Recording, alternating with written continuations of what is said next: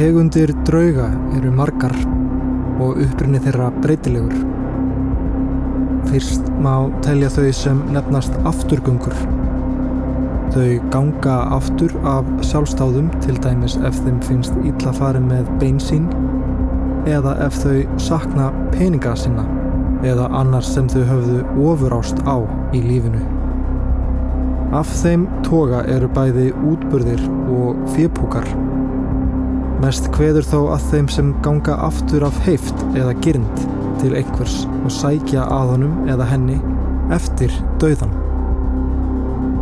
Góðir hlustundur, ég heiti Fjölnir Gíslason og þið eruð að hlusta á Drauga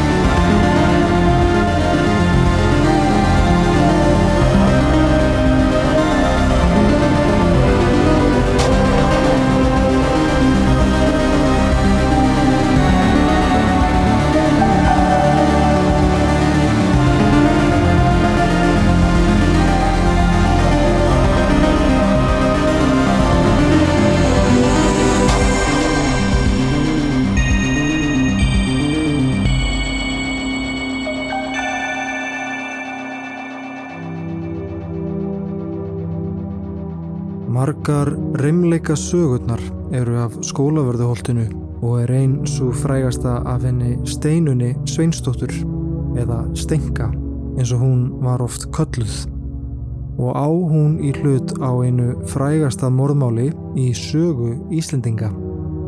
Í fyrri þætti nefndi Katrín Jakobsdóttir um steinunni og hvernig stjórnaráðuð hefði verið fangelsi á fyrri árum.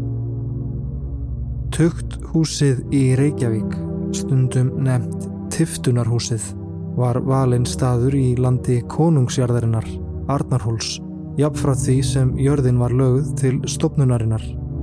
Hafist var handa um byggingarframkvæmdir árið 1761, en þær sóttust sent þannig að þeim var ekki að fullu lokið fyrir tíu árum setna. Teikningar af tukthúsinu við Arnarhól hafa ekki varðveist en fullvíst er talið að arkitekt byggingarinnar hafi verið Georg David Anton, hyrðhúsamistari í Kaupanahöfn og kennari við Listaakademíuna þar.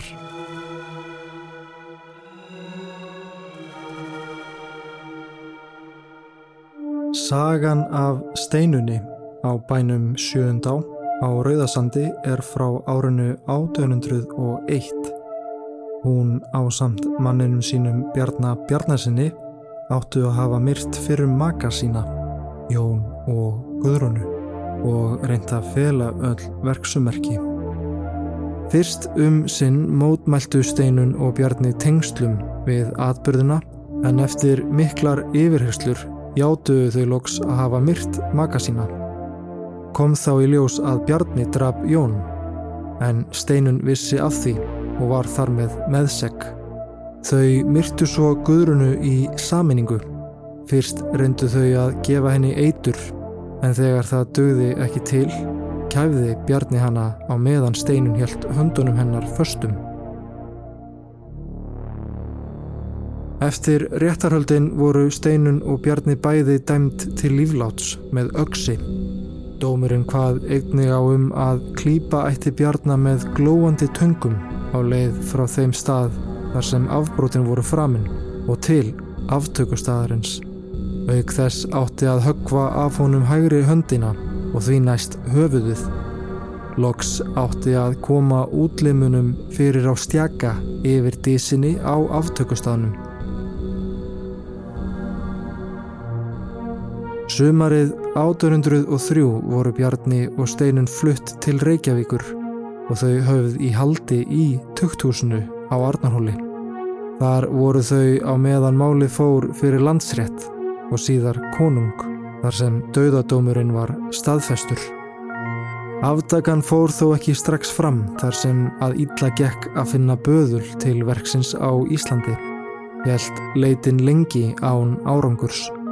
Þeir sem höfðu umsjón með aftökunni ákváðu því að leita nýra úrraða og sóttu um náðun fyrir Bjarnar og Steinunni. Ef sá kostur gengi ekki eftir vildu þeir fá böðul senda til landsins frá Damörku. Þar með var málunu fersta til ársins 1805 en síðila sumars það ár bárust fyrirmæli frá Kaupanahöfn um að senda skildi Bjarnar og Steinunni til Noregs þar sem taka ætti þau af lífi. Það var hins vegar lítið um ferðir þangað um sumarið og áður en komað flutningunum lést Steinun í fangavistinni þann 30. og 1. ágúst. Það var Valdbóm, tukthúsmaður, sem tilkynnti fógeta andlátt hennar en ekki er vitað með vissu hvernig hún lést. Samkvæmt heimildum hafði hún þó verið hraust fram að þessu og dauða hennar bar snögglega að.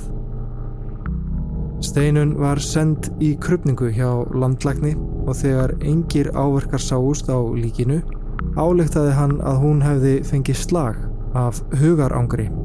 Þrátt fyrir það komust fljótt sögur á kreik um að Steinun hefði ekki dáið á eðlilegan máta. Einn sagan er á þanveg að sjálfur Fridrik Trampe er um þessar myndir var orðin stiftamt maður hafi af vorkunnsemi hlutast til um það að hún fengi eitur til þess að fyrirfara sér þegar sínt var að líf hennar yrði ekki borgið. Það mun að sönnu rétt að Trampi kendi í brjóst um þau bjarna og steinunni en hitt er fjari lægi að hann hafi farið að stopna embættisheðri sínum í hættu með slíku tiltæki en það hefði þá líkinu sennilega verið hólað í jörðina og krufðu. Önnur saga hermir að steinun hafi verið þunguð eftir fangavörðin og var honum eignað það að hann hafi fyrirfarið henni.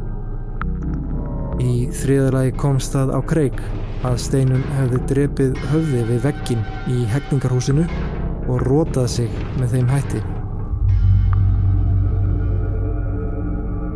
Á þessum tíma var danskur fangavörður að nafni Sigvard Brún við störf í tukthúsinu Brún var þekktur fyrir allt annað en góðmennsku og mikill vannræksla var á föngum þau ár sem hann réði yfir fangelsinu. Sögur spruttu upp að hann hefði gert steinunni ólétta og þegar sannleikurinn komst upp hafi hann fyrirfarið henni. Þessi lýsing passar þó ekki því Brún lest árið 1787 og því útilokað að hann hafi ráðið steinunni bana en eina sögu um dauða hennar má finna í árbókum Jóns Espólins en þar segir að Steinun hafi látist þegar hún frétti af staðfestingu hæstarettar á dauðadómi sínum. Það eru margar getkátur um dauða Steinunar og enn ekki vita nákvæmlega hvernig dauða hennar bar að. Aftur á móti er vita til þess að í framaldi af krupningunni hafi lík hennar verið sett í trekistu og hún dísjuð á Arnarhólsholti sem nú heitir Skólavörðuholt. Bjarni var einsvegar færður til Kristjansand í Nóri sama haust þar sem hann var hálshögvinn. Nokkrir fangar sáu um að flytja kistu steinunar upp á Skólavörðuholt og var gröfin valinn staður í alfara leið út úr bænum, söð austur af staðnum þar sem livstitta stendur nú. Fangarnir grófu grunna hólu fyrir kistuna og röðuðu steinum í kring. Þeir mókuðu síðan mold að og báru grjót á gröfina þar til myndaðist dis. Þar ofan á var svo reistur stjaki sem höfuð steinunar hefði átt að festast á ef böðlun hefði náð að framkvæma verksitt. Það var svo talinn siður fyrir ferðamenn er gengu þar framhjá að kasta grjóti í dísina til að spórna við því að sá eða svo sem var grafin þar myndi ekki ganga aftur. Myndaðist þær grjóta hrúa mikil og með tímanum glimtist sagan og var fólki ógreitt um sör hver var þarna grafin. Þótti reykvíkingum þó merkilegt að þarna væri einhver sagakona dísjuð en betri minnisvarði var það ekki. Sáust börn oft leika sér þarna og klifra í dísinni. En þá kölluðu mæðurnar byrstar og sögðu að þau mættu ekki vera þarna. Þetta væri draugadís og geti vel verið að draugurinn kemi upp og hremdi þau. Þetta taldist óhilla staður og á honum lág skuggi fortíðarinnar.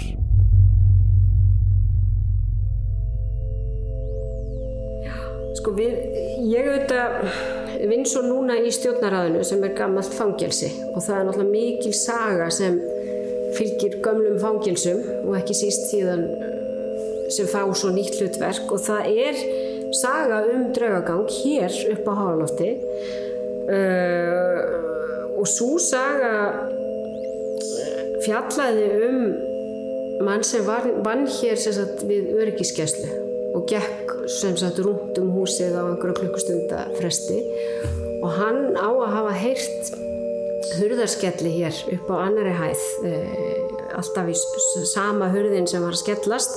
Þar sem voru fangaklefar í gamla dag og það hérna uh, svona allir því að hurðin var sem sagt rannsöku og það kom ekki til ljós sem gæti skýrt hurðarskellina, það var ekkert sem útskýriði þetta.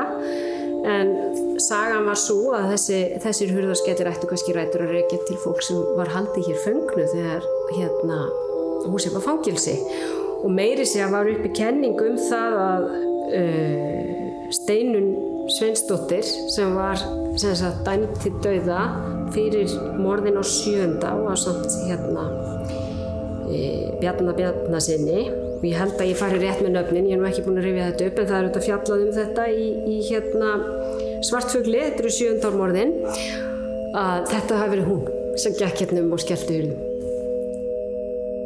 Margar smásögurnar eru til af steinunni og er eins og þekktasta úr domkirkjunni. Svo saga hljóma svo að maður hafi átt að hafa séð hana sitja við hliðin á sér í jarðaför og hann hafi orðið það skelkaður að hann kastaði sér út um eitt kirkjuglukkan. Ef litið er í gamlar kirkjubækur má sjá að það brotnaði rúða í kirkjunni á þessum tíma og því ekki ómögulegt að gera sér í hugalund að atvekið hafi í raun og veru átt sér stað. Sankvæmt sögunum heldu þessir reymleikar í kirkjunni áfram í nokkra ára tugi og út um allt skólaverði holdið og mögnuðust með tímanum allt þar til að bein steinunar voru fundin og hún færð í Vígða mold árið 1915 í Hólavalla kirkjugarði. Efst á skólaverðuholti, langt frá þessum fína gardi, lágu bein mín berskjölduð fyrir vannþóknun mannana. Fundu sífelt meiri þunga frá litlum steinum, urðuða grári dís, þungu hlassi. Það er engin friður á fjölförnu holti. Heila mannsæfi fyldist ég með bæjarbúum ganga hjá, gefa mér illt auga, hæðast að mér, hræðast mig. Herna breyðir víð moldin klæðin sín yfir útskúfuð bein, næringarík, dökk, mjúk.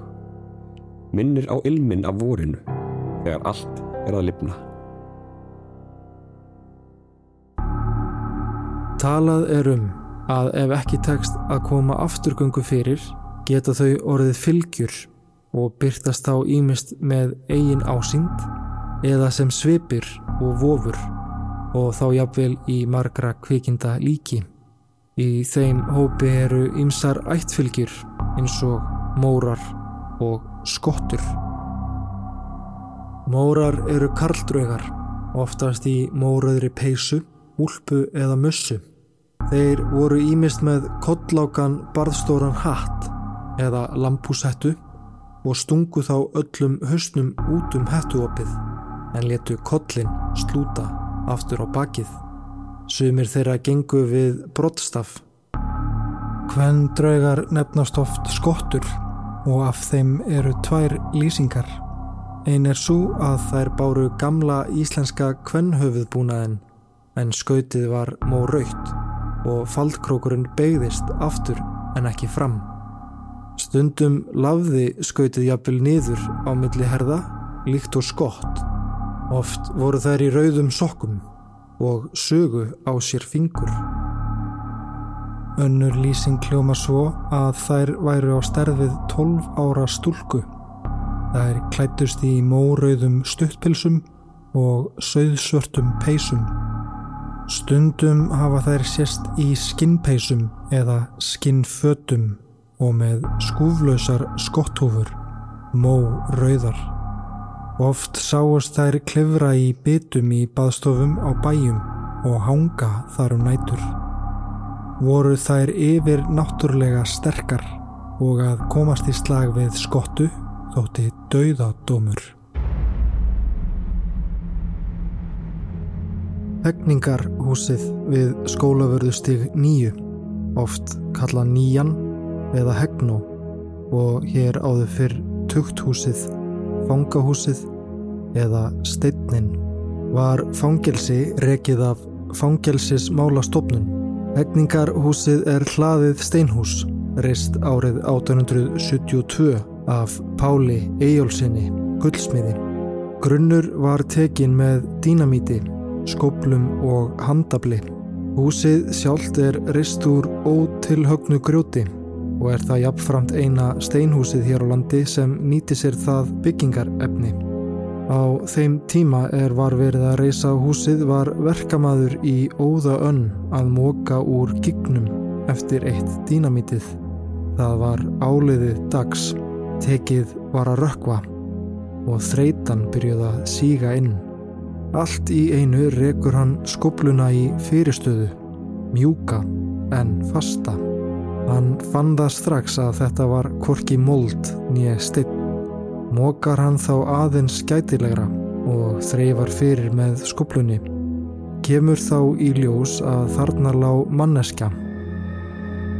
Í fyrstu hjælt hann að Slis hefði átt sér stað í sprengingunni og hóar í vinnufélaga sína til að hjálpa sér. Þeir byrja með röðum höndum að móka af manneskjunni og sjá þeir þá að hún virtist vera með lífsmarki. Manneskja ofan í sprengjugíg hugsa þeir með sér og lítast illa á þetta allt saman. Byrja þeir að móka af henni þar til höfuðið komi ljós. Þetta var karlmaður og höfuðið var undarlega nöttótt í læginu og ofan á því mórauð húfa. Þar fyrir neðan klættist maðurinn svörtum samfestingi, einslags prjónaflík sem virtist hvorki hafa ermar nýja skálmar og líktist þrungum póka sem herftur var um hálsin. Um leið og þeir snertu hann byrjaði maðurinn að yða allur til og hristast en gaf þó ekki frá sér neinn hljóð. Þeir tóku ákvörðun að velta honum á hliðina til að sjá betur hver þarna lægi en þegar svo var gert var höfuðið þeim megin jafn ómótað og slétt. Engin munnur var sjáanlegur, ekkert nef eða augu. Með hálfum hug tóku verkamennir að færa hann upp úr jörðinni en þá var eins og hann molnaði milli fingra þeirra og uppgauðs þung stækja sem líktist helst nálygt.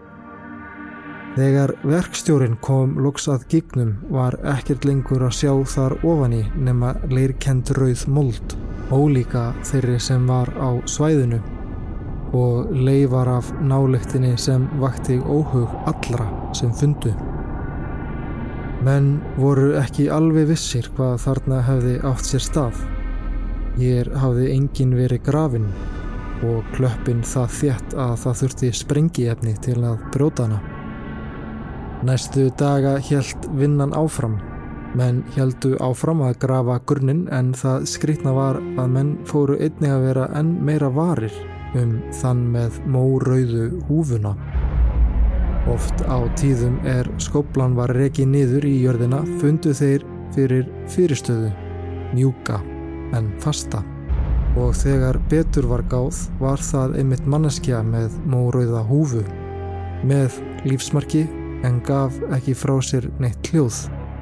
Í dagsbyrtu molnaði hann og kvarfnær samstundis en á kvöldin ekki fyrir en tekið var í hann og reynda tógan úr jörðinni. Menn voru ornir frekar kvömpnir yfir að finna til reyfingar við skobluhendan og drókst verkið frekar sent. Sumir vildu meina að hér væri einfallega verið að raska ró einhvers sem augljóslega væri grafin þarna og mótmæltu því að halda áfram með verkið.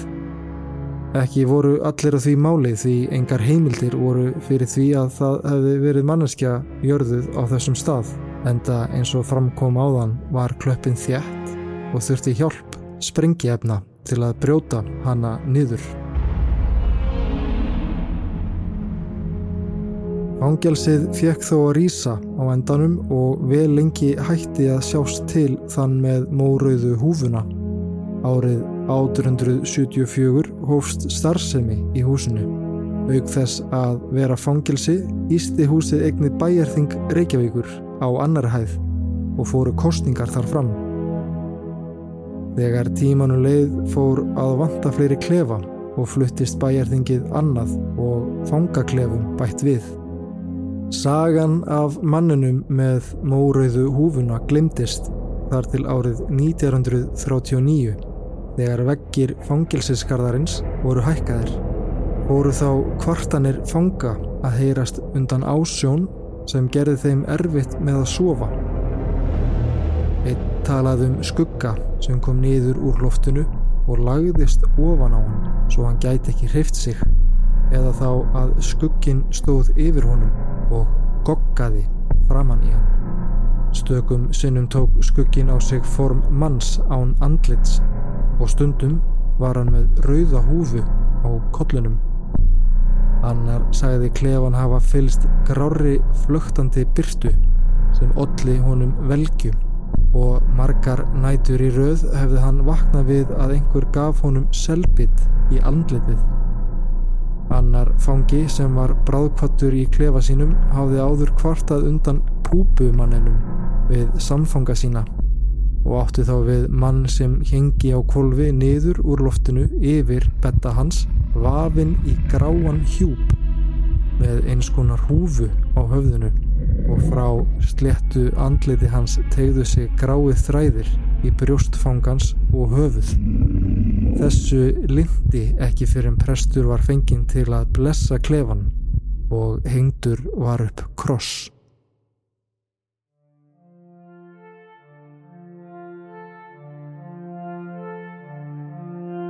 Í hegningarhúsinu á skólavörðustíg nýju voru 16 fangaklefar litlir og þröngir og loftræsting léleg.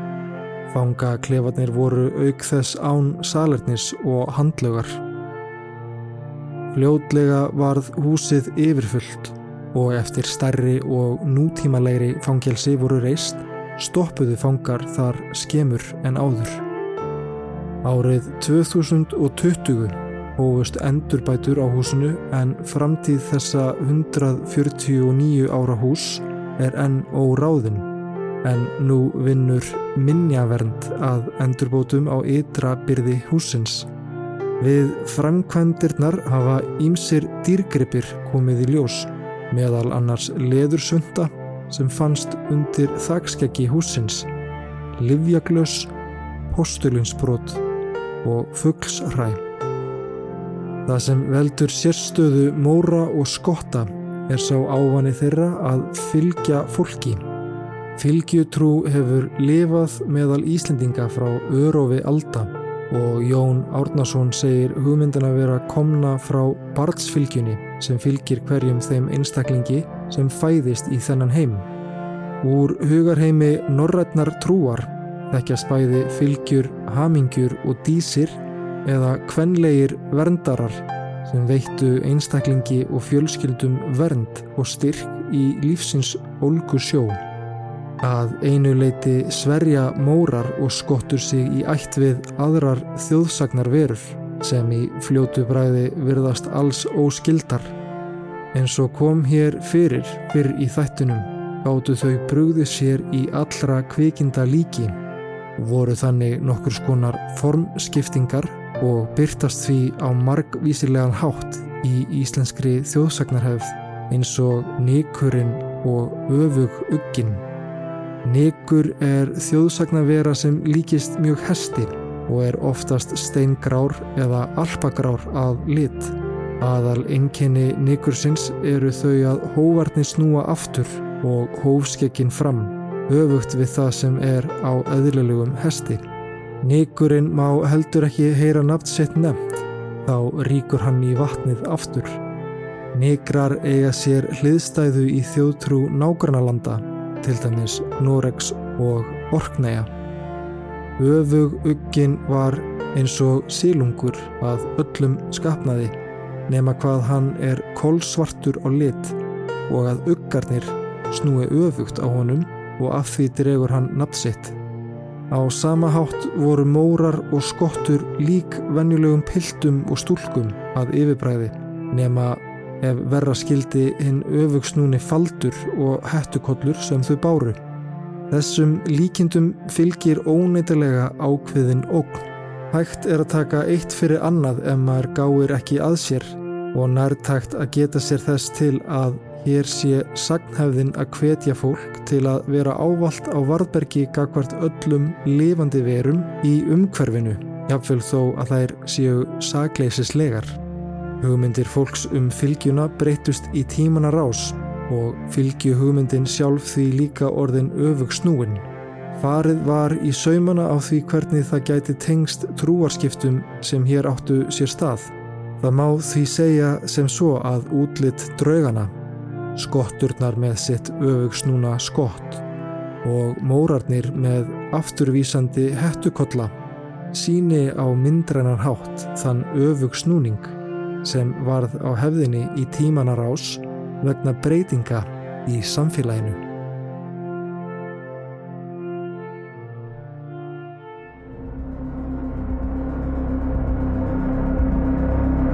Við gerð þáttarins voru heimildir notaðar úr reymleikar í Reykjavík eftir Steinar Braga, Mórar og Skottur ættraugar í þjóðsagnasöfnun eftir móiði önnu Siguradóttur, draugasögur við þjóðvegin eftir Jón Ragnar Hjalmarsson, ljóðið Langþráð kvíld steinunar eftir Guðrúnu Rannveig Stefánsdóttur, lesið af Hjalta Kristjánsinni og reymleikar í Reykjavík draugasögur úr miðbænum eftir önnu Kristínu Ólafsdóttur